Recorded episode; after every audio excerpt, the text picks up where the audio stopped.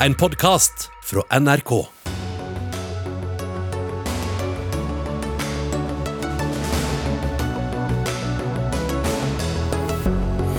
Stortingets presidentskap er på kollisjonskurs med både stortingskomité og Stortingets eget kontrollorgan for de hemmelige tjenestene, etter at de ikke vil offentliggjøre deler av Frode Berg-rapporten. Arbeiderpartiet kaller det et demokratisk problem.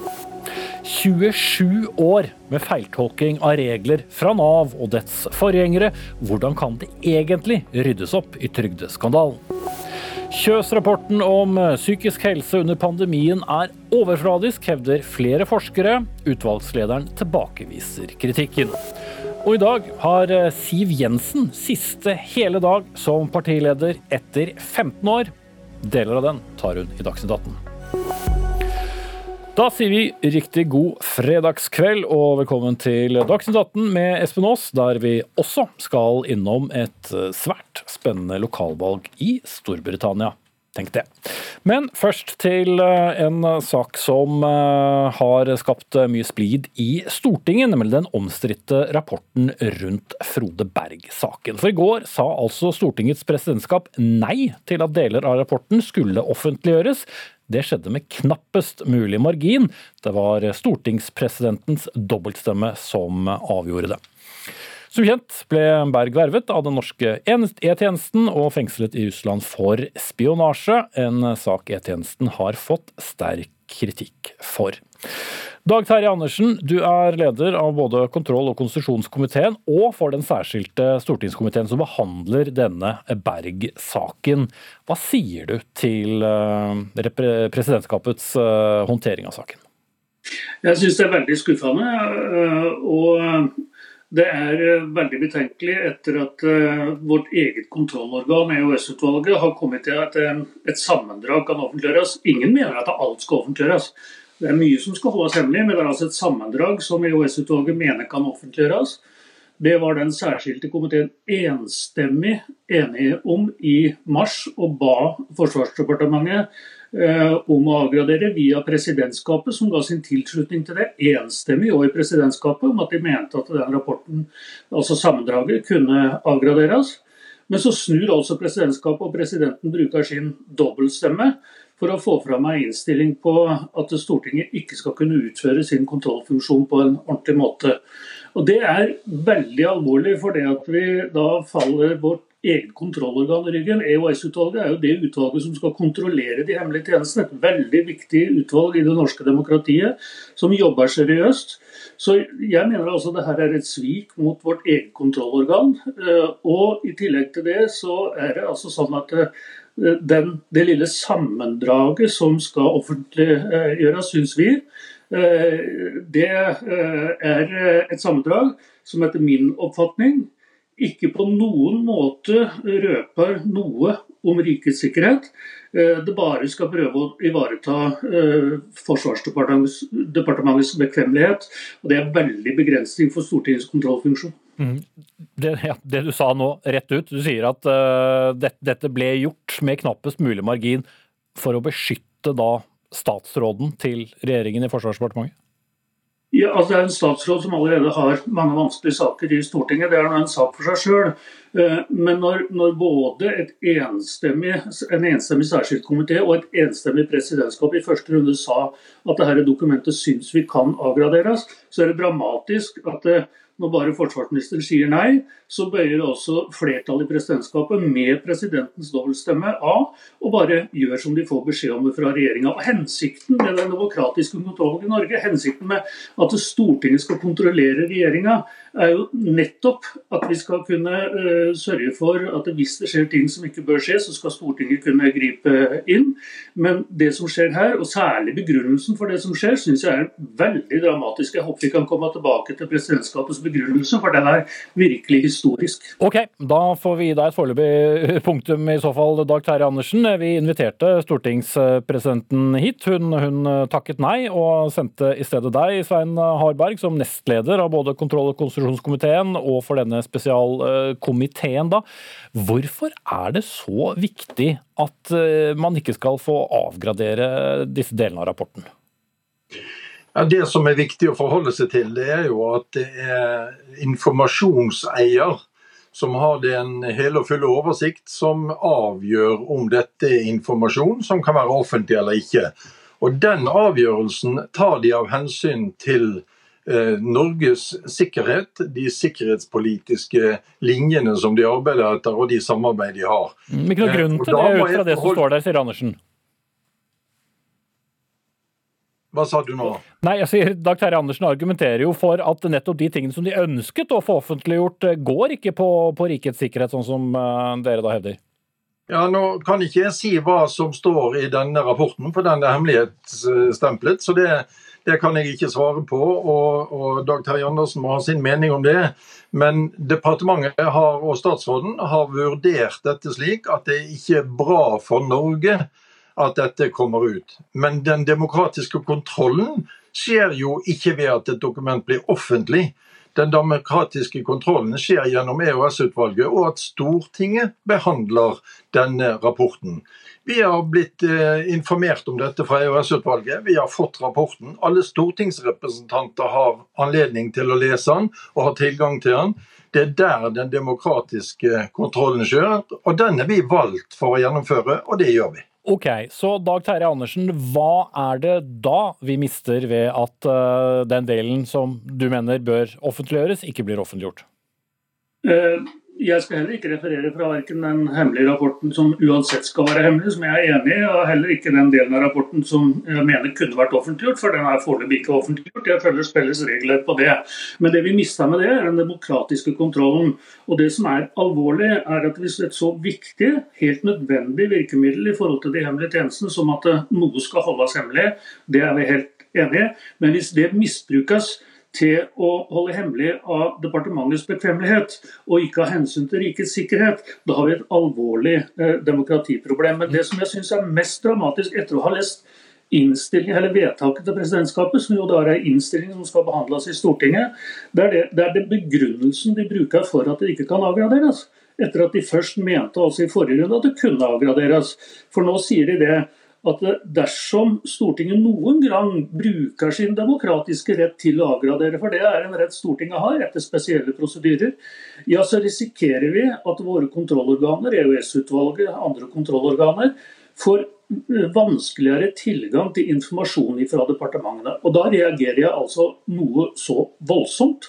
For, for da sier vi altså at hvis Stortinget gjør jobben sin, så kan regjeringa bli fornærma, og da blir det vanskeligere for Stortinget å gjøre jobben sin. Og Det er veldig dramatisk i det norske demokratiet. Ok, jeg må få Svein Harberg til å, å svare på det før, eh, før tiden løper fra oss. Ja, det, det er jo underlig at Dag Terje Andersen sier at Stortinget gjør jobben sin hvis de offentliggjør disse dokumentene. Det er jo ikke det som er vår jobb. Vår jobb er å gå gjennom det vi har fått vite fra EØS-utvalget. Vurdere om det er noen ting som skal påpekes her, og det kan vi gjøre. Jeg er helt enig med Dag Terje Andersen at hvis dette blir unntatt offentlighet av bekvemmelighetsgrunner for eh, eh, departementet og statsråden, så blir det riv ruskende galt. Dette er unntatt offentlighet fordi at det har med rikets sikkerhet å gjøre, og det må jeg forholde meg til. Det er det altså departementet og statsråden som har best grunnlag for å vite.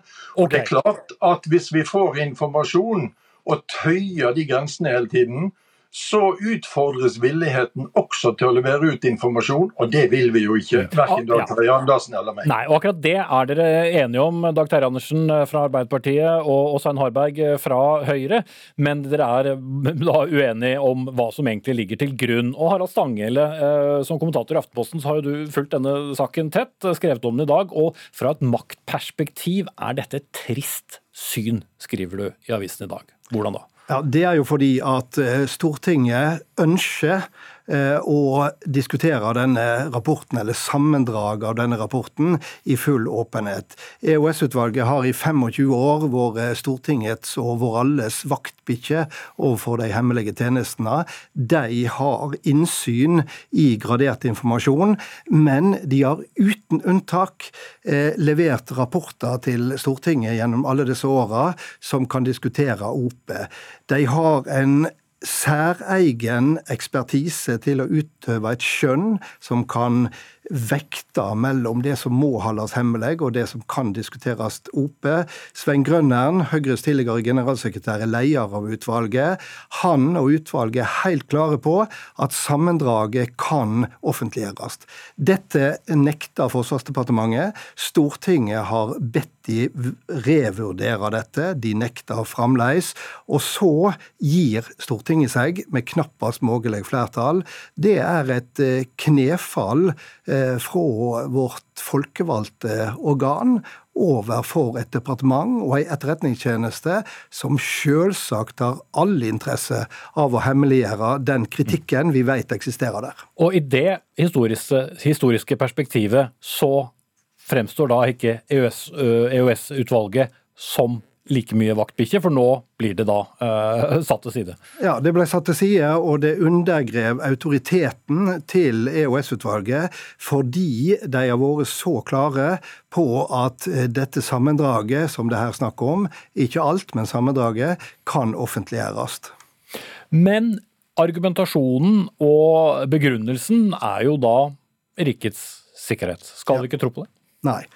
Det skal en ikke ta for god fisk eh, alltid. For det at vi kjenner historien til de hemmelige tjenestene, vi kjenner praksisen i Forsvarsdepartementet, og vi vet at det har vært eh, hemmeligholde opplysninger som godt kunne vært offentlige. Det har vi en rekke dømme på.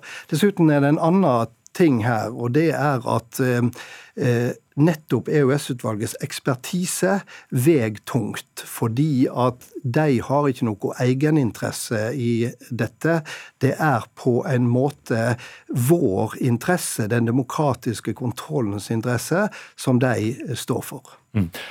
Og dette blir jo da stående igjen helt i, tampen av eh, denne forsvarsministeren, og for så vidt i hvert fall denne eh, regjeringsperioden til, eh, til Erna Solberg. Blir det en skamplett? Ja, det blir det fordi at det hefter noe ved autoriteten til EOS-utvalget. Og det er ganske utrolig når en leser innstillinga for flertallet til presidentskapet, som også Dag Terje Andersen var inne på, at de, de, de sier at det kan ligge en trussel i dette. At hvis Stortinget overprøver departementet, ja, så vil ikke EOS-utvalget senere få adgang til informasjon. Men poenget er at EOS-utvalget har en lovlig adgang til å få informasjon. De kan behandle høyt gradert informasjon, og det at presidentskapet på trykk nærmest sett det som en trussel, at da vil ikke de hemmelige tjenestene heretter følger lova, ja, det syns jeg er en veldig merkelig og, og nesten sånn demokratisk grotesk eh, påstand når det kommer fra Stortingets presidentskap. Mm. En komplisert sak, men med viktige prinsipielle overtoner. Takk skal du ha, Harald Stanghelle, kommentator i Aftenposten.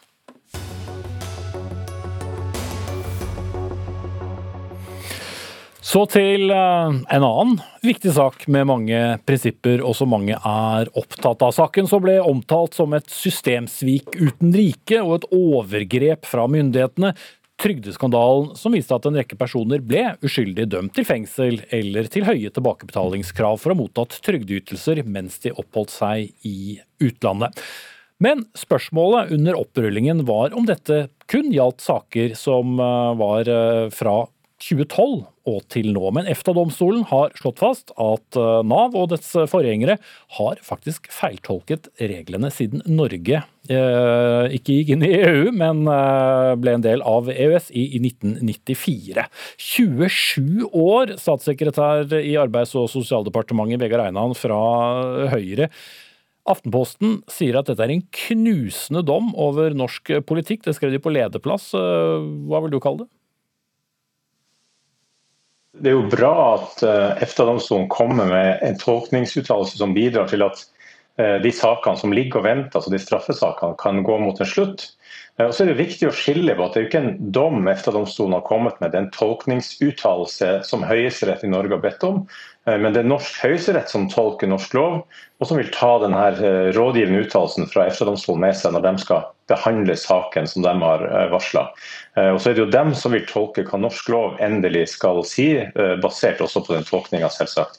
Men er jo, det er nok tid for å si at når vi ser at det kan tyde på, basert på det som EFTA-domstolen sier, at det har vært litt feil oppfatning rundt hva EU-lovgivninga også har å si i forhold til de fire friheter, da spesielt av den retten til fri bevegelighet, som er en sånn påle i, i EU, så er det nok er det nok eh, stor grunn for, for, eh, politikere generelt, regjeringa i dag og sikkert tidligere regjeringer også, ikke minst, og kommende eh, regjeringer fremover når man skal lage lover og tolke lover, ta større hensyn til EU-lovgivning og ja. utviklinga. Sette Riksadvokaten sa i går at han ville nedlegge påstand om full frifinnelse i saken, etter å ha lest EFTA-domstolens avgjørelse. Hvorfor er det nødvendig å likevel vente på høyesterettsdommen?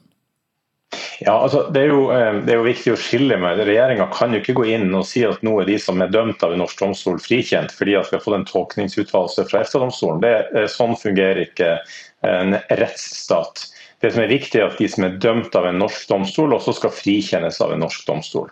Eh, så her er, eh, Jeg registrerer det som, som Riksadvokaten sa, men det er jo viktig at det er Høyesterett som skal behandle den saken, og det er ikke vi politikerne som skal mene det ene eller andre. Nå må, eh, må vi la Høyesterett få avgjøre den saken som er, og de sakene som også ligger i, i løypa etterpå det. 27 mm. år, Olav Legereid, du er advokat og ekspert på, på trygderett. Hvilke konsekvenser mener du at den uttalelsen fra EFTA-domstolen gir? Nå vet vi ikke ennå uh, noe særlig om hvor mange saker det egentlig dreier seg om. så Hvis man spør om omfanget, så er det helt uh, i det blå. Og Vi vet heller ikke hvordan eh, Nav skal greie å finne igjen alle sakene. Det tror jeg blir et ganske vanskelig arbeid. Hadde man plassert alle sakene Nav og behandlet på den tiden ved siden av hverandre, så hadde man dekket omtrent avstand fra Oslo til Fredrikstad. Så, så, det er en del å leite i, for å si det sånn, og jeg tror ikke det er så enkelt å finne igjen sakene. Men jeg tror også det er viktig å, å si i fortsettelsen av det statssekretæren sier her, at uh, grunnlaget som uh, EFTA-domstolen nå uh, bygger denne uttalelsen på, tilsier jo at det også er mange andre ytelser i spill her. Det er ikke bare arbeidsavklaringspenger, men mye annet. Og det er jo noe myndighetene nå kan ta tak i, helt uavhengig av Høyesteretts eh, behandling av denne straffesaken.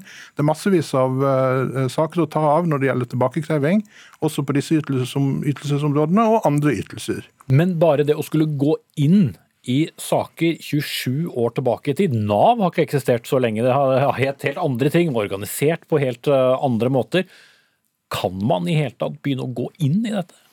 Ja, det, det, må man jo nesten. Men, men jeg vil også si at det, eh, dette er ikke tiden for å fordele skyld for det som har skjedd. Det viktige her nå det er at vi alle må løfte i lag. Alle aktørene på dette feltet må løfte sammen. Og Det eh, er vi advokater eh, klare til. Vi står klare til å bidra med vårt til dette, forutsatt at myndighetene setter av midler, sånn at folk kan få gratis rettshjelp til det. Nei, akkurat Det med skylden er jo mange som har vært opptatt av. For det, er, det, går over så lang tid, og det er vekslende regjeringer. Det har vært uh, vekslende lederskap i, i, forskjellige offentlige institusjoner. og det er jo, altså De eneste som helt klart har fått skyld her, er jo de som har vært dømt, og som håper å få omgjort dommene. Ja, og det må du jo få. Men uh, politisk så må vel dette være dødt løp. Altså, alle uh, partiene på Stortinget, med unntak av to, har vært del av en eller annen regjering som har syndet. og Derfor så mener jeg også at det, det styrker bare poenget. Det er ikke tiden for å fordele skyld nå. Mm. Marianne Evensen, du er med oss på linje og er eh, sekretær i en organisasjon som heter NAV1, som gjelder de som er rammet av denne trygdeskandalen. Du har selv måttet sone 75 dager i fengsel for uh, trygdesvindel, så uh, du har jo kjent uh, på dette. Hvordan, hvordan, preger det deg at du fortsatt da står som dømt og ikke er frikjent? Ja, det preger jo hverdagen. Det, det er det ikke noe tvil om. Det er jo ingenting som har endra seg for oss uh, som er dømt foreløpig. Og det, nå er vi bare opptatt av å, at, at, myndighetene faktisk rydder opp og får en orden på dette her. Dommene kan fint oppheves. Uh, de henviser til at det er en rådgivende uttalelse som kommer fra EFTA. Men det, det rådgivende i det er at de viser at myndighetene har gjort feil. Og Da er det ingen grunn til at vi fortsatt skal sitte både som, eh, som straffedømte og at vi har dette her på vandelsattesten vår. Det er, det er ingen grunn til at dette skal fortsette. Du har jo da med, med organisasjonen din vært i, i møter både med, med politikere og, og, ledelsen i Nav. Etter hvert som denne saken har rullet, eh, hvordan har dere blitt møtt uh, når dere har kommet med ønsker om å få ryddet opp i dette? Vi blir jo egentlig møtt med en masse venting. Det, det har kun vært venting hele veien. Alle har sittet og venta på denne uttalelsen. Alle forstår den situasjonen vi har vært i, men det har ikke blitt gjort noe mer enn det. Annet enn å gi oss beskjed om å fortsette å vente, være tålmodige. Det er det vi har blitt møtt med hele veien. Mm. Arbeids- og velferdsdirektør i, i Nav, Hans Christian eh, Holte man, du, du, skal sikkert si at du forstår den frustrasjonen, men jeg vil egentlig spørre deg, hva har denne uttalelsen å si for dere som etat? Det er jo ikke akkurat sånn at uh, det er late dager midt oppi uh, koronakrisen heller, og så kan man kanskje se for seg at man skal begynne å grave 27 år tilbake i tid? Ja, nei, Det er helt riktig som du sier. Vi, vi, har, vi har, litt å henge fingrene i, men samtidig så, så er det nok sånn at vi må Eh, ha en eh, avklaring. Altså Regjeringen må komme med sin vurdering av eh, det som nå etter hvert trekkes som konklusjoner i Høyesterett. Så vil vi ha en tett dialog med, med Einan og departementet om hva vi gjør på bakgrunn av det. Så når det gjelder akkurat det som nå har skjedd før 2012 eh, eh, i, i disse sakene, så, så, må vi avvente rett og slett hva, hva, regjeringen og departementet ønsker at vi skal gjøre. Mm. Men er en full gjennomgang som Legreid eh, snakker om en, en, en mulig vei å gå, med de ressursene det måtte kreve? Jeg tror vel at eh, Det er klart det blir spekulativt nå. Eh, vi har ikke gått inn og vurdert dette. Vi har konsentrert oss om å rette opp de sakene som har vært etter 2012. Der er vi så å si i mål, eh, og det har vært en, en, jobb. Det har vært over 60 000 saker vi har gått gjennom. Vi har funnet rundt 5000 berørte nå. Vi regner med at det totale antallet kanskje er opp mot 7000. Så det, det er vi så å si i mål med. Eh, det betyr at vi har betalt tilbake ca. 250 millioner kroner eh, til de som er berørt etter 2012. Men så er det klart, det, det sier seg selv eh, når vi tenker at Nav ble etablert i 2006. Vi har IT-arkiver IT et stykke tilbake i tid, men kanskje har vi altså papirarkiver før den tid. Så det er også det muliges kunst i den grad man går den retningen, men det er jo nå et helt åpent eh, spørsmål. Mm. Men, men, eh, Eidan, jeg skjønner at du også igjen sikkert vil vise til at dere må eh, la Høyesterett gjøre jobben sin, men det går vel også an å, å tenke noen tanker om hvordan man skal løse en så kompleks sak, ikke minst da for de som har dommer som de mener de ikke skal ha, og som EFTA-domstolen per nå ser ut til å mene sammen. Ja da, men jeg tror, jeg tror, det er viktig. Jeg har stor forståelse og sympati med de som er dømt over at det tar lang tid. Jeg kan bare forestille meg hvor krevende det er. Men det er viktig å huske på at i en rettsstat som det norske, så kan ikke politikerne oppheve dommer fra en domstol. Eh, heldigvis, for da kunne vi ha tenkt oss at politikere kunne finne på mye rart i å oppheve dommer som man ikke liker. Men sånn er det nå det som er dømt etter norsk lov, må også da frikjennes etter norsk lov. Selv eh, her som det kan tyde på at det er stor grunn når Riksadvokaten eh, sier det han sier. Og så er det jo viktig å si når vi snakker om hva EFTA egentlig har sagt, så er det jo, eh, er det jo å lese ut av den uttalelsen at det er ikke nødvendigvis trygderegelverket, lovverket eller forståelsen av, av de EU-forordningene som i seg selv er feil. For de går jo langt i å støtte det regjeringa har sagt at det er skille i 2012. Men det er den, altså den grunnleggende eh, retten til fri bevegelighet, retten til å motta tjenester i andre land, det er det som spiller inn og, og trumfer alt. Og Derfor blir, også, derfor blir, det også, et ekstra krevende arbeid, sånn som helt har, har helt rett i at og se hva slags andre ytelser det påvirker. Også fordi at en del ytelser er nye, eh, en del ytelser er tilpassa andre forhold. Vi har sosialytelser som er kommunale. Så det, det, det, er ikke, det er ikke vi kan ikke nå si at nå skal alle ytelsene eh, kunne behandles etter etter det EU bestemmer, for at vi har fortsatt en stor råderett. Men det er mm. krevende å finne frem i, i akkurat Jeg skjønner det, men så er det jo også samtidig et politisk aspekt eh, ved det hele, som jo har vært klart også. At det har jo vært et uttalt politisk eh, ønske fra mange regjeringer om at folk som går på ytelser, ikke heller skal kunne reise utenlands. Så det fritar jo heller ikke politikerne uh, ansvaret, selv om for all del uh, domstoler er de som dømmer.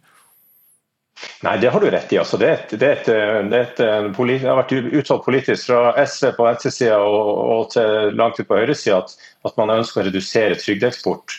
Av hensyn til respekt for velferdsordningen og, og bærekraften. Men nå er det jo også sånn at det er jo ikke EFTA-domstolens uttalelse fritar oss jo ikke alle muligheter til å, å bygge og regulere de ordningene sånn som Eh, Norge ønsker, men det er en del prinsipper vi er nødt til å ta hensyn til. og Det kommer vi selvsagt til å gjøre. Mm. Men det er, det er, litt for tidlig. Vi har ikke fått også, som Holte sier, vi har heller ikke fått gått grundig gjennom den. Det er en, en lang uttalelse, og vi er nødt til å gå grundig gjennom den for å se hva den, hva den innebærer. Men det, la meg også si at vi har et arbeid på gang i forhold til et lovutvalg som skal levere nå i juni, som skal se på folketrygdloven og forholdet til internasjonale avtaler. Så vi er godt i gang, og vi er også i dialog med Nav og, og ser på hvordan vi skal forholde oss til de sakene før 2012. Ok, Men Olav Legreid, du mener kanskje ikke det er Nav som bør se gjennom dette, men hvem skal gjøre det da? Altså etter mitt syn så er det som jeg var inne på, viktig at eh, aktørene i systemet eh, samhandler. Altså Man må få til en samhandling mellom sivilsamfunnet og etaten. Det tror jeg er kjempeviktig for å komme til bunns i dette. For å gjenopprette tilliten til etaten og for å sørge for at vi framover kan ha ordentlig eh, godt fundert tillit til at Nav handler riktig. Og Da sier jeg igjen at ordningene som er per i dag for å få rettshjelp til dette er for dårlig. Den er stengt ved inngangen, og det er eh, nokså store begrensninger på den. Så hvis den skal fungere og gjøre nytte for seg, så er det veldig viktig at, eh, at regjeringen også kjenner sin besøkelsestid. Holte. Ja, her er Det jo sånn, det er viktig som Legreid sier at folk eh, opplever at de faktisk når fram med sine saker innenfor dette sakskomplekset. men men min erfaring er vel at eh, det har vært eh, veldig god kontakt eh, med med Nav om de sakene som vi nå har gått gjennom. Og det er også relativt lite uenighet rett og slett, mellom de som kontakter oss og våre vurderinger. Ja, men Dere har jo ingen advokater Holte, som tar, sånn tar, tar til orde for dette, så dette, dette stemmer jo ikke, Holte? Sånn at denne saken, sånn som jeg opplever det, så er det nok først og fremst å få fram hvem er det dette berører. Og da er min erfaring at det hovedsakelig er, er god kontakt, og vi får løst de sakene som, eh, som, kommer på vårt bord, ut fra rett og slett å betale tilbake det som skal betales tilbake. Og så er det jo i i rettssystemet at eh, enkelte av disse sakene også går. Mm. Det er et monument av uh, papirer og arbeid som må, må, gå gjennom. Jeg vil sette strek der, selv om det hadde vært interessant å fortsette passiaren mellom dere to her nå. Olav Legereid, advokat, og Nav-direktør Hans Christian Holte. Takk også til statssekretær Vegard Einan i Arbeids- og sosialdepartementet, og Mariann Evensen, sekretær i organisasjonen Navit.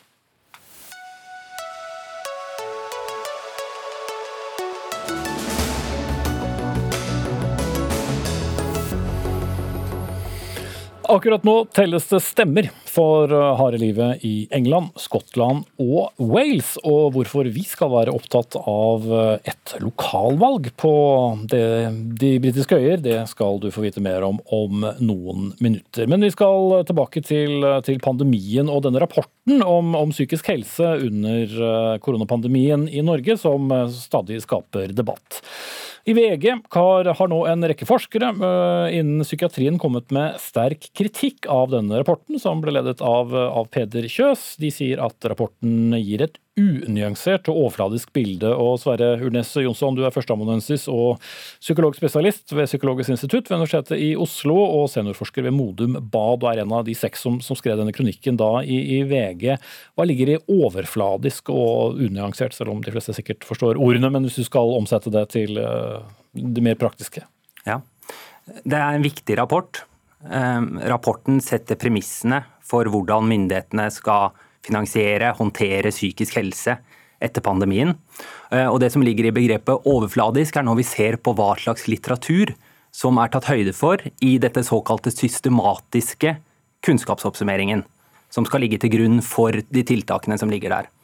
Eh, og Den er eh, overfladisk, og det er en rekke studier da som ikke er innlemmet, som ville hatt en litt, kunne vært med å nyansert det bildet som ekspertutvalget da trekker. Mm. Hastverk, så du?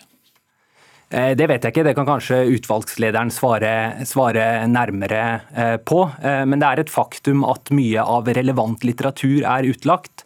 Og Det tenker, tenker jeg er alvorlig når dette skal være et premiss for myndighetenes avgjørelser, og også hvordan finansieringen av eh, psykisk helse skal være. Mm, Men hvorfor er nettopp da det så viktig? øh, Eller hvorfor er det et så viktig poeng at, at litteratur mangler i Jo, for da, da kommer vi jo til det hva som blir det etterlatte inntrykket. De fleste er jo ikke sånn som meg at, jeg sitter, at man sitter og studerer litteraturen og, og hva er det de har lagt til og ikke. Men det etterlatte inntrykket er at det går bra med de fleste. Og at det er de sårbare som sliter mest. Men det er også en betydelig gruppe innimellom der som har slitt mye under pandemien. Og spesielt når tiltakene har vært som hardest, altså det vil si med sterke restriksjoner. eh, Man har ikke fått lov til å bevege seg så fritt som man ønsker. Nedstengning av skole og barnehager etc. Og den type litteratur er ikke eh, eh, tilstrekkelig beskrevet. da. Mhm. Peder Kjøs, utvalgsleder og, og psykolog selv. øh, Hvordan svir ordene overfladisk? Eh, nei, Jeg syns ikke det er spesielt hyggelig å bli kalt overfladisk, men det er jo Jeg tar det ikke personlig, er rapporten. Uh, um, jeg tenker vel at det er selvfølgelig er det på en måte overfladisk og et hastverksarbeid. Det er gjort på seks uker, liksom. Og vi har jo da prøvd så godt vi kunne å dekke et ganske svært mandat, som er både å se på litteratur, men også hente inn eh, tjenestedata og litt mer sånn muntlige rapporter fra ganske mange eh, av de som er liksom på gulvet, da, både i tjenestene og pårørende, eh, masse forskjellig. Så vi har hatt mange kilder, og vi har jo overhodet ikke hatt noen sjanse i det hele tatt til å rekke over all litteraturen. Men, men, Men, bare, bare for å stoppe ja. der da, som, som fagmann, som fagperson og utvalgsleder, hvordan føles det å levere fra deg en rapport som du jo selv innrømmer da er laget på, på kort tid, og så skal det, eh, som, som Jonsson poengterer, da legge grunnlaget for hvordan vi behandler dette? Er det med god smak i munnen du gjør det? Ja, det er med sånn halvbra smak, og det er jo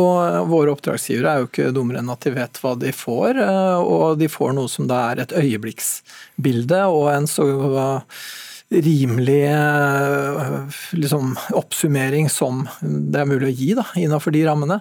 Og det som jo er litt sånn hyggelig å se, for forskning fortsetter jo å renne inn, det har den gjort hele tida. Ikke sant? Eh, ikke minst så var jo uh, deres, uh, dere tidlig ute med en uh, rapport. Så forskningen fortsetter jo å komme, og som, som politikere så må man jo handle nå. Man kan ikke, sånn som det står i kronikken deres, vente til neste år med å få inn ordentlig solide data. Man kan ikke vente til neste år. Ja, da, Vi står jo midt oppi denne pandemien fortsatt. Altså, man må liksom handle nå, man kan på en måte ikke vente på en ideell situasjon. Man får et øyeblikksbilde som da heldigvis egentlig stemmer ganske godt overens med mye eh, eller internasjonal forskning også. Da. Vi, så, så jeg føler at vi Men- men, men- men- du mener ikke at man skulle ventet, eller? Man, hvis, man, hvis man er opptatt av langtidskonsekvensene, eh, så bør man vente. fordi at litteraturen Det tar lang tid før de relevante artiklene blir publisert osv. man kan ikke vente et år med å ha tiltak, liksom. Men jeg er ikke enig i premisset at man ikke kan gjøre en skikkelig kunnskapsoppsummering. På Eh, seks uker. På- Man, kan, man kan beskrive rapporten hvilke ting man har inkludert, og hva Ja, man har er ekskludert. og der har du faktisk Eh, helt rett. og hvorfor man utelater den litteraturen som jeg ganske, og mine medforfattere ganske lett fant fram til, som er veldig relevant. Ja, ja, det, det kunne vært beskrevet. Ja da, det er jeg helt enig i, faktisk. Det er ikke noe vanskelig å være enig i. At vi kunne godt hatt en bedre seksjon om eh, hvordan vi har valgt litteratur og sånn. Og, det, og det, har jo, det har jo gått fort, men mye av det vi har lest er likevel ganske sentral litteratur. Da. Og jeg har jo sett på den litteraturlista med de forslaga som du har nevnt, og det er jo eh, stort sett så føyer jo de seg sånn ikke helt urimelig til mer eller mindre det bildet vi har gitt. Sånn at eh, vi kunne, og, og man kunne helt sikkert lett ha funnet 20 studier til som ikke du har ramsa opp, liksom. Jo, jo men, altså, nei, nei, men, men det etterlatte inntrykket er at de fleste klarer seg bra. Ja, og så- vet vi at det også er en Med unntak av de sårbare. Og så er nevner du at studentene har det, at de har det kjedelig. Ja.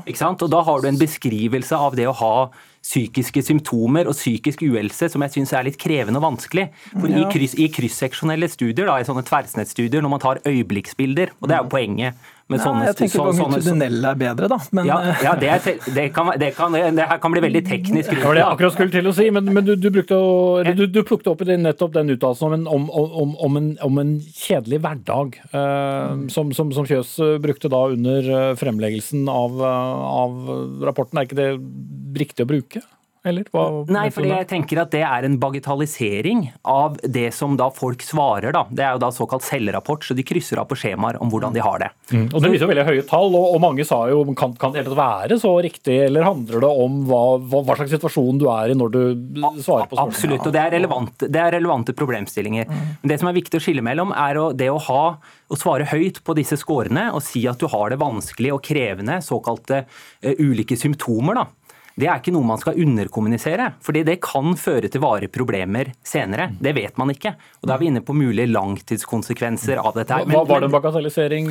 Nei, jeg syns ikke det. og det er, en sånn, det er, jo også en litt sånn teknisk ting at når man gjør disse tverrsnittstudiene, da, så vet man jo fra forskning at det veldig ofte eh, da eh, forsterker effekter i forhold til hvis man gjør longitudinelle studier. Mm, mm. Og, og, sånn som f.eks. Eh, i SHoT-studien, som er veldig relevant, så sier forekomsten av studenter pasienter som sier at de har en psykisk lidelse, har, søkt, har økt fra, 18, fra 16% til 18 ikke sant? Og, og det er jo mange som sier at de har en dårlig livskvalitet. Det sier veldig mange, halvparten eller noe sånt. Um, og det er mye mer enn før. Men de som sier at de har en psykisk lidelse, det er noe annet, og det har ikke økt så mye.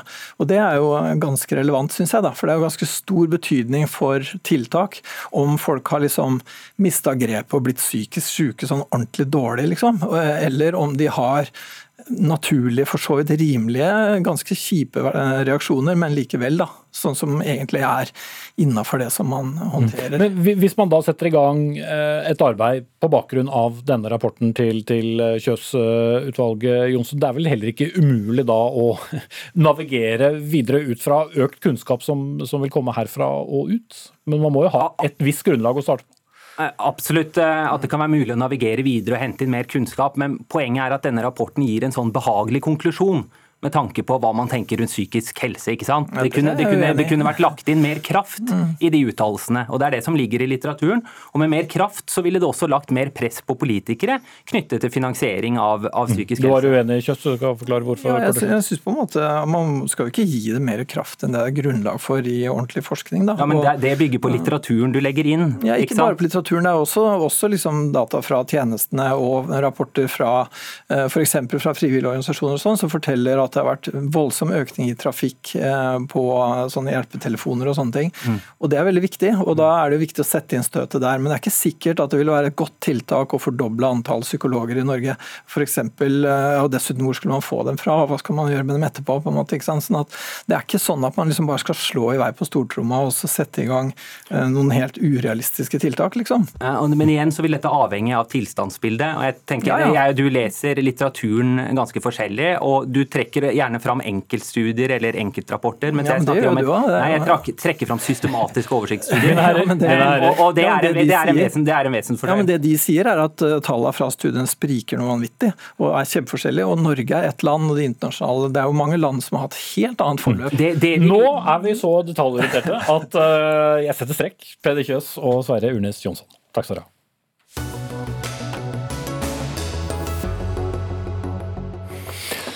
I Storbritannia, og nærmere bestemt eh, nasjonene England, Skottland og Wales, eh, er eh, spenningen stor mange steder i det stemmetellingen fra gårsdagens lokalvalg er i full gang. Foreløpig er flest stemmer talt opp i England, og det ser foreløpig ut til at de konservative gjør et godt valg, mens det britiske Arbeiderpartiet har bl.a. gått på et sviende nederlag i et suppleringsvalg. Samtidig knyttes også mye spenning til hvor sterkt valg det skotske nasjonalistpartiet SNP gjør nettopp Skottland. Og La oss begynne med det siste, Storbritannia-korrespondent Øyvind Nyborg. Du har akkurat eh, kommet hjem til London etter å ha fulgt innspurten av valgkampen i Skottland. Der er det mange seter som, eh, som ikke er talt opp ennå, men det siste viser at det er talt opp 29 eh, kretser. SNP, skotske nasjonalistene, har fått 26, liberaldemokratene har fått 3, men det gjenstår de aller, aller fleste. Men da du var med i innspurten der, så eh, hvor, hvor mye selvtillit eh, opplevde du at det skotske nasjonalistpartiet har nå? Det er jo klart at eh, de har en voldsom selvtillit. De har jo pleid å være eh, mer enn, eh, ofte, ofte mer enn dobbelt så store som partiet som kommer på andreplass, altså de konservative. Og det er jo klart at alle andre enn SMP kalles jo den stille majoritet i Skottland, så de, de vet å ha god selvtillit, SMP. Og det som skjer nå, er, kan jo bli en slags rystelse av selve Storbritannia. For dersom de nå får et et rent flertall, så vil de komme til å spørre Boris Johnson om å få lov å holde en ny folkeavstemning om skotsk uavhengighet. Og får de det, og blir de det, så kommer de også til å forsøke å, å melde seg inn igjen i EU. Så Skottland kan komme til å bli Boris Johnsons største hodepine framover, tror jeg. Mm. Men så, Storbritannia er jo ikke som så mange andre nasjoner. Vi har da et skotsk parlament, vi har et walisisk og for så vidt eh, en tilsvarende variant i Nord-Irland. mens regjeringen i London gjelder da for hele Storbritannia, har ansvar bl.a. for utenrikspolitikk osv. Men kan likevel Boris Johnson da stå imot dersom et flertall i eh, den skotske nasjonalforsamlingen uh, sier at vi vil ha en ny uh, folkeavstemning, selv om det da bare er gått sju år siden sist gang? Ja, de kan det, eller Han kan det, og han sier at han vil gjøre det også. Rett og slett legge ned veto. Men da er skottene så eh, knallharde at de sier at da vil de trekke denne saken her inn for domstolene. Fordi de mener at eh, her må demokratiet eh, seire. De, de, må, de, de mener rett og slett at domstolene må avgjøre om ikke skottene selv skal kunne kunne bestemme om de skal ha en slik folkeavstemning. Mm. Atle Wold, førsteamanuensis ved britiske studier ved Universitetet i, i Oslo. Denne dagen startet jo med en stor nyhet, nemlig at Labour, Labour eh, det eh, britiske arbeiderpartiet, tapte da Hartlepool i, i Nord-England for aller første gang. Dette er et suppleringsvalg, altså at man skal må stemme inn ny, et nytt parlamentsmedlem. Men hva gjør dette med uh, politikken i, i, Storbritannia nå? For det jo sender jo et ganske sterkt signal at et regjeringsparti som har regjert i elleve år, fortsetter å vinne nye kretser. Ja, Det er helt klart en blå vind som eh, blåser over England, og til dels også Wales, ser det ut til. Og eh, Jeg ser allerede at det er noen fra Labour som er ute og krever at eh, Keir Starmer, lederen for Labour, må gå av. Typisk sett så taper sittende regjeringer suppleringsvalg og gjør det dårlig. Mens her har da det vært en voldsom swing, som man sier, hvor de konservative har tatt et relativt sikkert Labour-sete. Eh, og Det er egentlig katastrofe for opposisjonspartiet og en veldig stor bonus for regjeringspartiet. Mm. Men Hvordan skal man forklare denne suksessen? Altså, Statsminister eh, Boris Johnson eh, har jo hatt det ganske hett rundt ørene en stund selv, med, med skandaler rundt oppussingen av, av, sine private kvarter i, Downing Street nummer ti, og ikke minst den tidlige håndteringen av, av koronakrisen. Jeg tror det, det, pekes på flere alternativer. Noen, for noen så er det skyggen av Corbyn som er over Labour fremdeles, som gjør at de ikke klarer å Den, den tidligere lederen? Tidligere leder. Ja, eh, At de ikke klarer å håndtere det. Det er eh, suksessen med vaksineringsprogrammet, som ser ut til å slå veldig heldig ut for de konservative. At det gir folk eh, tillit til dem.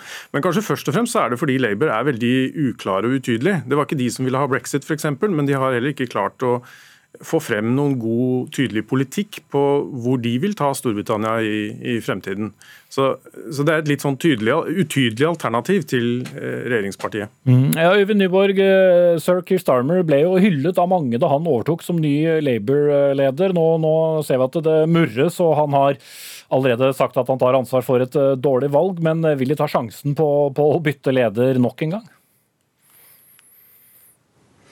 Jeg tror kanskje det blir eh, litt tidlig. og De gjemmer seg nok fortsatt bak eh, forklaringen på at Jeremy Corbyn sendte dette partiet eh, ned i grøfta, iallfall når det gjaldt oppslutning. Eh, så Det er i hvert fall én eh, forklaringsmodell. Men nå har han jo hatt eh, godt over et år på seg til å forsøke å nå disse gamle Arbeiderparti-bastionene. Og det er jo helt klart at det kan hende at de har et kulturproblem. At de ikke klarer å snakke tydelig nok til den gruppa. Og så er det som gjesten din er inne på, at det er mange som i den delen av landet ikke føler at Arbeiderpartiet snakket eh, for dem og med dem og var på deres side i brexit-saken. og det, det, sitter fortsatt eh, litt i. Mm. Ja, og, og, til slutt, eh, Atle Skottland er jo da helt annerledes. Vi må bare understreke da at Det skotske nasjonalistpartiet er jo et parti langt ut på venstresiden, sammenlignet med også Arbeiderpartiet Labour. Men de stemmer altså tradisjonelt sett mye til venstre. England stemmer langt mer til, til høyre. Ja, til dels. Selv om de konservative har svingt seg opp som unionistparti i Skottland og plutselig blitt mye større enn de var. Og Det som jo er spesielt med skotsk politikk, er at den er jo helt out of step, kan man si. På et helt annet plan enn i England. Eh, og Problemet i Skottland er at de tre store unionistpartiene, de konservative Labour og liberaldemokratene, de er britiske partier og kan ikke etablere en helt egen skotsk strategi og politikk. Og så står de overfor et parti som er et rent skotsk parti. Og det gjør det veldig vanskelig for dem mm. i, i, valg i Skottland. Mm. Det er eh, mange stemmer som fortsatt skal telles opp. Så får vi forhåpentligvis noen svar både senere i kveld og gjennom helgen. Takk skal dere ha, Atle Wold, Universitetet i Oslo, og vår egen korrespondent Øyvind Nyborg med oss fra London.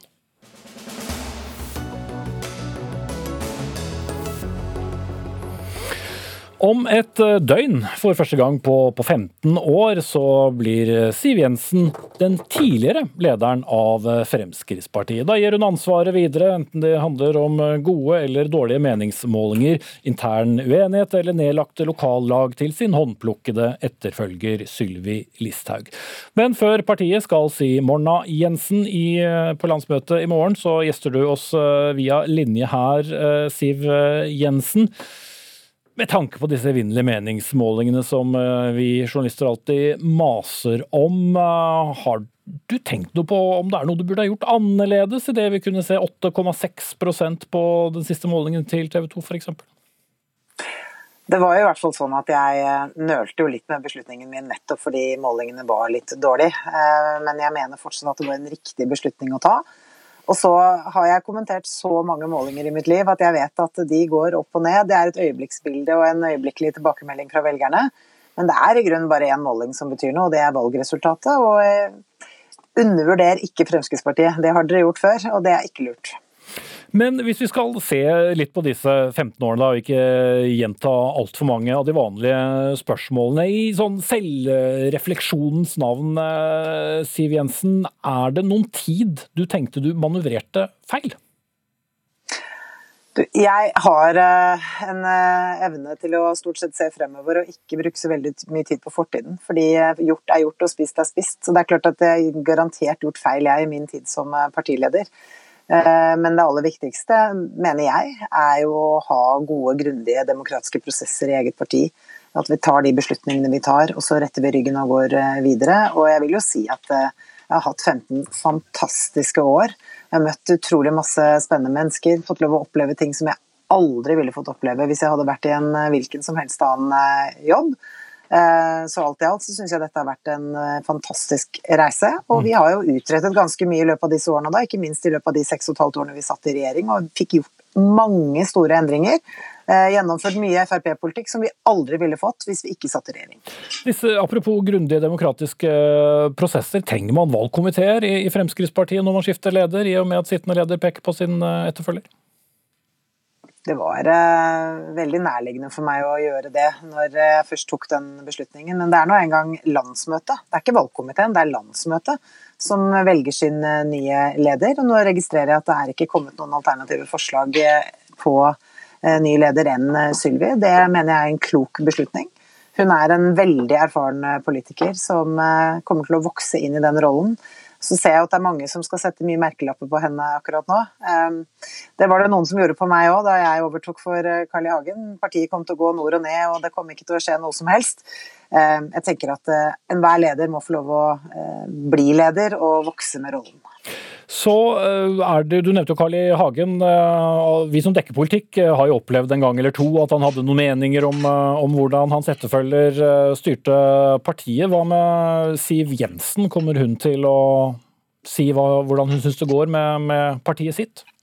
Nei, det kommer jeg ikke til å gjøre.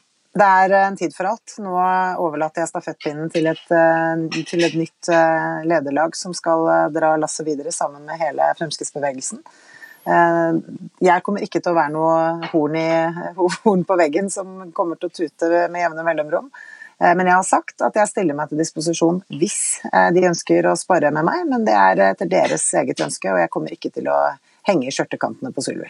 Det er jo ikke noe unisont stort rop om at Fremskrittspartiet bør inn i regjeringen blant mange av medlemmene, så vidt jeg skjønner. Men hvis dette skulle skje igjen, hadde du da syntes det vært hyggelig om noen spurte om du ville bli statsråd?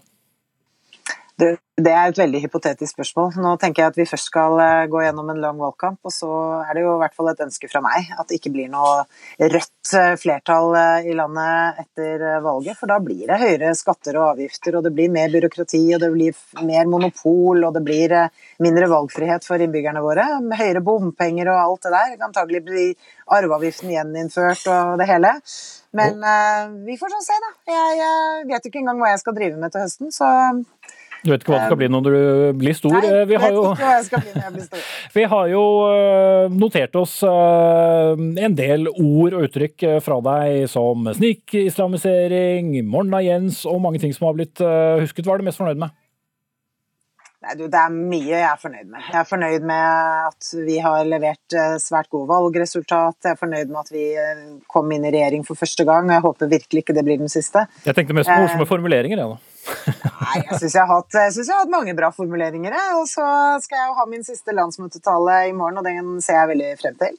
Jeg håper at eh, den evner å begeistre delegatene en siste gang. Så eh, har du jo utvilsomt blitt intervjuet en del ganger, og de aller fleste intervjuene gjerne poengtert hvordan du syns journalister eh, både dekker Fremskrittspartiet, og hvordan journalister stiller spørsmål. Hva er, har du vært mest lei av å svare på når det gjelder eh, ledertiden i, i Fremskrittspartiet? Helt uh, personlig så har jeg vært mest lei av alle de veldig nærgående spørsmålene om mitt eget privatliv. Uh, og jeg syns dere har tråkket over noen grenser mange ganger som dere aldri gjør med mannlige intervjuobjekter, og det tenker jeg at norsk presse bør tenke litt igjennom. Um, det er jo sånn at Fordi jeg er singel, så har man liksom forbeholdt seg retten til å hele tiden spørre om det har blitt noen kjæreste eller et eller annet, men man går jo ikke inn og spør Jonas Gahr Støre åssen det går med kona. og Det er jo egentlig en helt naturlig sammenligning, og det bør dere tenke litt igjennom, tenker jeg. Det er notert. Eh, hva er det det første du har lyst til å gjøre når eh, du er eh, ferdig, utover sikkert å ta en hyggelig tur med, med, med hunden, som vi stadig ser deg avbildet med? Ja, nei, Nå handler det om å få litt tid til å reflektere litt over hva jeg skal bli når jeg blir stor, som du sa. Roe litt ned og ja, tenke litt på kanskje hva jeg skal skrive i boka mi, som jeg helt sikkert kommer til å skrive utover høsten. Mm. Det hender det skrives bøker når man går av som partileder. Da sier vi takk til deg, eh, Siv Jensen. Men vi skal ikke slutte å snakke om Fremskrittspartiet. For Siv Jensen går av, men tilbake sitter et parti med dårlig stemning, skriver du i dagens Aftenposten, Therese Sollien, hvor du er eh, kommentator. Hvorfor er stemningen så dårlig? Det er jo eh, ikke sånn at man altså Som Siv Jensen akkurat sa, så skal man kanskje ikke se seg blind på meningsmålinger, men det er jo en regjeringsslitasje der som hefter ved. Altså, planen var å gå ut av regjering eh, på et tidspunkt hvor det var mer enn nok tid til å redefinere seg som et eh, protestparti, et opposisjonsparti, men så kom korona og ødela alt sammen. Så nå er det ikke noe blest i det hele tatt om en FrPs kjernesaker. Eh, det er lite innvandringsdebatt, og motorveiene blir jo ikke så mye brukt når det er hjemmekontor. Så da er det vanskelig å få agendaen til å handle om FrPs saker igjen. Da. Så de sakene som partiet nå skal fronte, er det ikke alle som er enige er så klok strategi, kanskje? Hege Ulstein, kommentator i Dagsavisen. Blir det et stort skifte når det er eh, Sylvi Listhaug som eh, klappes inn i morgen?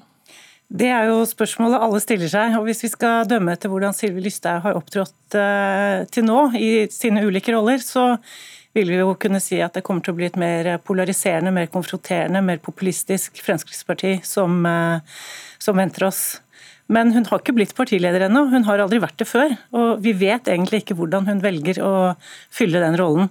Og jeg er ærlig talt ikke helt sikker på om hun vet det selv. Jeg tror Fremskrittspartiet er litt på søken nå. Eh, de eh, kommer til å være i opposisjon etter valget. Uansett, tror jeg, om Erna Solberg fortsetter eller om det blir regjeringsskifte. Og Det tror jeg også vil definere mye av eh, måten de de kommer til å eh, profilere seg på politisk. Og så er det jo som Therese sier, at eh, de store merkesakene til Fremskrittspartiet de, de ligger på en måte litt nede for telling nå. og Da, da syns jeg det er veldig spennende å se hva de vil velge for å prøve å profilere seg istedenfor det de har pleid å bruke tidligere. Mm. Så har det vært mange interne stridigheter i, i, Fremskrittspartiet, vi kunne sikkert brukt mye tid på det. Men vi ser jo også nå lokallag legges ned. Vi har, har hatt partilag som har lagt seg selv ned, som i, i Bergen. Vi har hatt Oslo hvor det har vært uh, mye bråk. Og så er det jo utvilsomt ganske vidt spenn på medlemmene både i stortingsgruppa til Fremskrittspartiet, men også ute, kommer dette partiet noen gang til å klare å samle seg, de fløyene som man eventuelt måtte klare å, søke opp? Ja, jeg tror at journalister ofte har en tendens til å overdrive hvor dype kløfter det er i Fremskrittspartiet. Du har jo helt rett i at det er eh, spennvidde fra de liberalistene og de tut og halloi og pils i parken fremskrittspartistene til de mer sånn eh, kanskje mer eh, nasjonalkonservative, hvis man skal bruke det ordet da, eh, i partiet. Det har vi jo mange lurt på. Plass til, kanskje likevel. Men eh, det er jo likevel et parti som er preget av veldig god samling, tross alt. Det er ikke et parti hvor det er sånne fløyer som går rundt og baksnakker hverandre og prøver å uh, lekke ting fra interne møter og sånn. Så det er et samlet parti, tross alt, med, med, med et stort fellesskap. da. Mm. Men uh, Siv Jensens eget uh, parti i, i, Oslo har gjort det veldig dårlig ved, ved lokale valg. Det er ikke lenger Siv Jensen som står på listen, det er Christian Tybring-Gjedde og Jon Helgheim etter alle solmerker som da er de som skal, skal stå på på valg.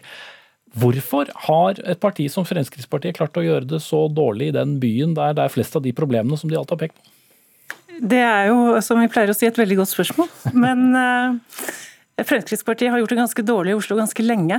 Uh, og jeg tror at det handler om at en del av den retorikken som Oslo Frp har ført, har vært ganske annerledes fra Frp nasjonalt. Uh, hvis vi nå skal bruke dette ordet nasjonalkonservativ, så så har de ligget mye mer eh, i det sporet og vært mye mindre liberalistiske og egentlig mye mindre urbane også enn enn Frp nasjonalt. Jeg tror det, tror det, ligger en stor forklaring der. Altså, det er interessant at Venstre for eksempel, er et mye større parti enn Frp på borgerlig side i Oslo. Mm. Men ikke på, på, på landsbasis. Men uh, Solin, nå er det jo da også startskudd for partileder Sylvi Listhaug til å vise velgerne hva slags parti de skal være i de månedene som er igjen til, eh, til 13.9. Eh, Kommer vi til å se hjertesakene, de gamle hjertesakene og at de blåses for alvor eh, liv i igjen, som f.eks. innvandring, samferdsel, krim osv.? Eh, så vidt jeg forstår, så er det noen andre saker som kommer til å være litt eh, lenger opp på agendaen for Fremskrittspartiet i tiden fremover. Det dreier seg om eldreomsorg helsevesenet. Og Der eh, har jo Sylvi Listhaug også engasjert seg mye mer i, de, den senere tiden. Det tror jeg for øvrig er veldig ektefølt, hvis man leser biografien hennes, eh, den som heter eh, Tørr der andre tier, så, så, fremgår det at det er noe hun bryr seg om. Hun liker countrymusikk og amerikanske biler og gamle folk. Så, er, så det blir naturlig for henne. Eller så blir det samferdsel på litt nye prosjekter. De fikk jo bygget enormt mye motorvei. Det var også innmari mye bompenger, så det er litt uh, troverdighetsproblemer der. Men, uh, men Stad-tunnelen og Nord-Norge-banen og sånt kommer til å handle mye om det. Mm. Men da kan det kanskje bli en mindre støyete valgkamp enn vi er vant til? Ja, Det kan man jo alltids uh, håpe på. Jeg er veldig spent på hva Frp kommer til å gjøre når det gjelder klimapolitikken. I forslaget til nytt partiprogram så er de tett opp til klimaskepsis i de formuleringene som ligger der. og De, de har også uh, noen uh, formuleringer som går på at de ønsker å støtte forskning som, altså alternativ forskning som skal finne ut om det finnes andre årsaker til temperaturendringer. og I det Eh, området der, politisk, så kan man finne ganske mange gode pole, pole, polemiske saker å, å, bruke for Frp. Du har vindkraftutbygging, som det ligger et forslag om at de skal totalforby i Norge, på land. Eh, alt som har med samferdsel, bil eh, å gjøre. Det ligger også en kampvotering på om alle elbilfordelene skal fjernes fullstendig. Så det blir jo konfliktsaker nå i helgen. og det, det, er jo ikke utenkelig at de kan finne en måte å markere seg på eh, i, i, en sånn liksom stor klimaparaply med en del sånn klassiske, gode Frp-saker. Mm.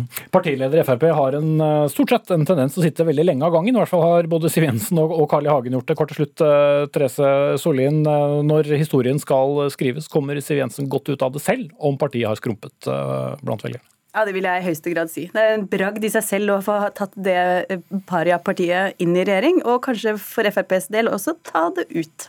Mm. Men da blir det altså et farvel til Jensen i morgen på, på landsmøtet. Takk til Therese Sollien fra Aftenposten og Hege Ulstein fra Dagsavisen.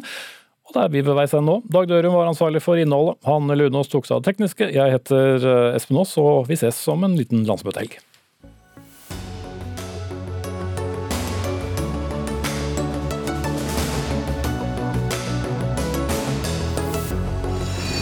NRK Radio. Det kan ikke være noe annet enn en bombe. Hele historien. Terrordagen 22.07.2011 koster 77 liv og berører en hel verden. Ikke til å begripe. Oppdatert. Hva med en podkast som plukker ut de viktigste nyhetene for deg, og som snakker om dem på en sånn måte at du ikke klarer å la være å høre på? Fantastisk. En snarvei til skikkelig peiling. Lørdagsrådet. Hører på Lørdagsrådet hver morgen og ble så glad da jeg hørte Live lese opp problemet mitt. Hør flere podkaster og din NRK-kanal i appen NRK Radio. NRK Radio. Vi hører sammen.